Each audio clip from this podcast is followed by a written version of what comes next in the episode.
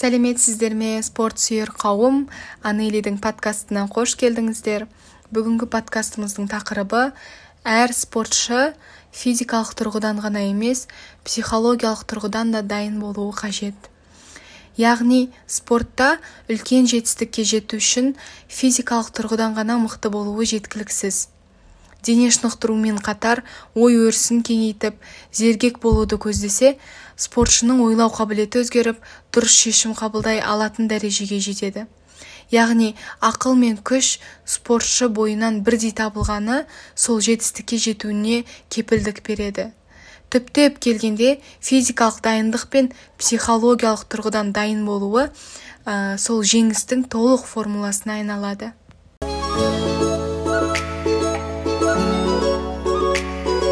Осы жерде өз ойымды бірінші білдіре кетсем жалпы спорт психологиясы деген не ол жарыс және жаттығу әрекетіндегі адам психикасының білінуі иә?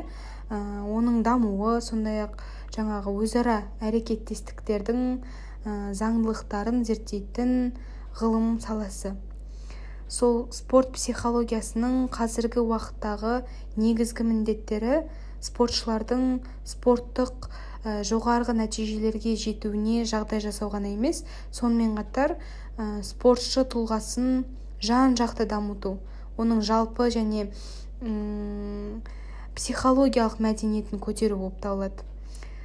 Ә, сол жарыстардың алдында спортсмендердің психикасын сол үрдіске бейімдеп жаттықтыру және бәсекелестік мәселесін жеңімпаз ететіндей нұсқалармен ә, қаруландыру десек те болады. Жарыс барысында өзін өзі билеп жаңағы басқарып ә, сол дәрежеге машықтандыру сол спорт психологиясы ә, жаттығу жағдайларында адам психикасының ә, дамуы сондай-ақ сол әрекеттестіктердің психологиялық ғылымдарының бағыты болып келеді.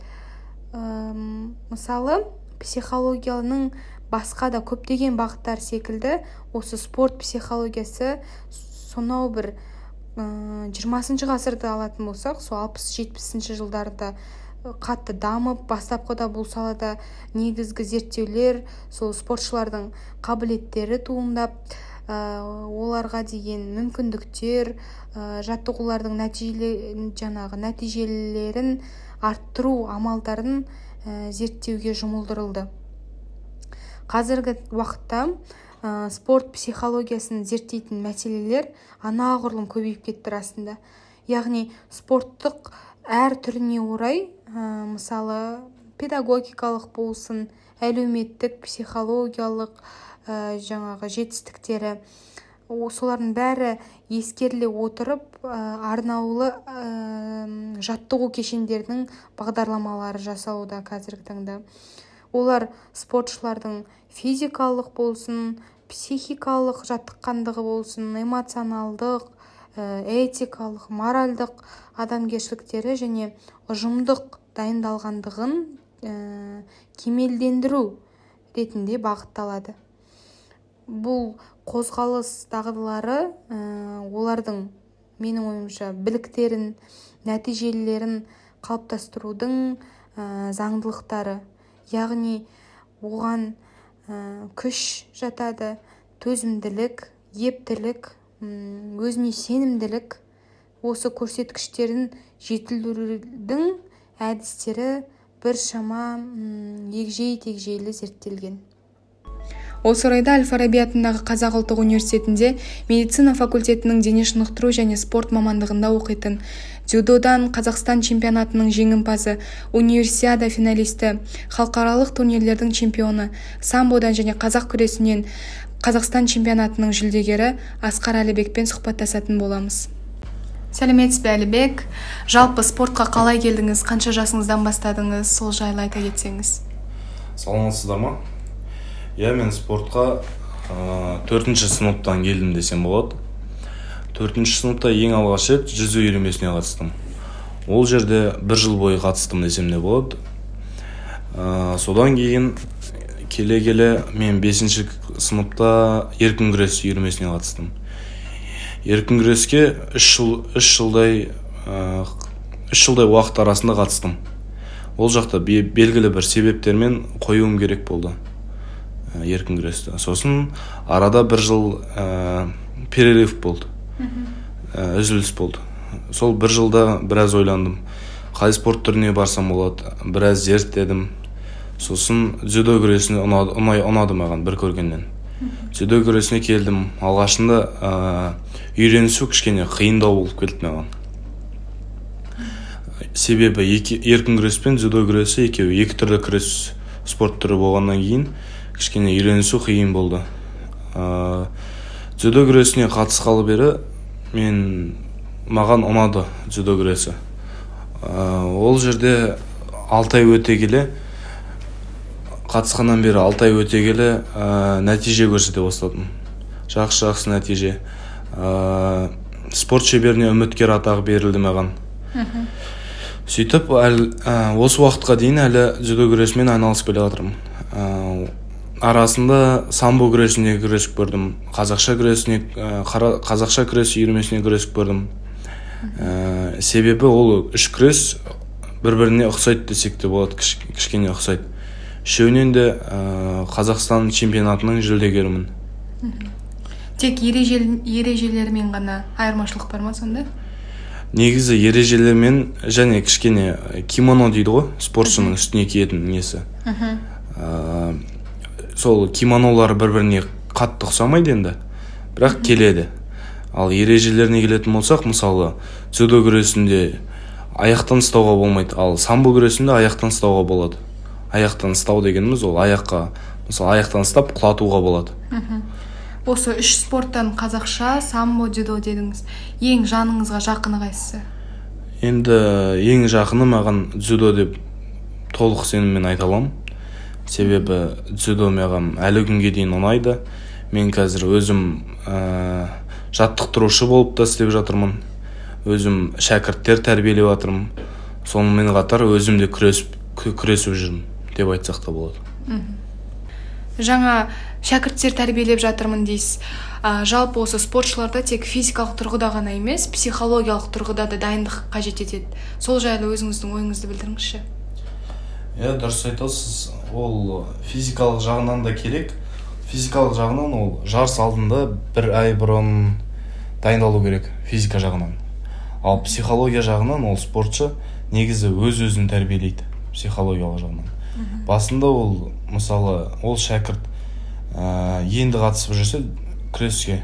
Ол кезде ол жарыс алдында ол обязательно психологиялық проблемалар болады ба иә жарыстан қорқады көбінесе. Қалай болады неше түрлі ойлар келеді.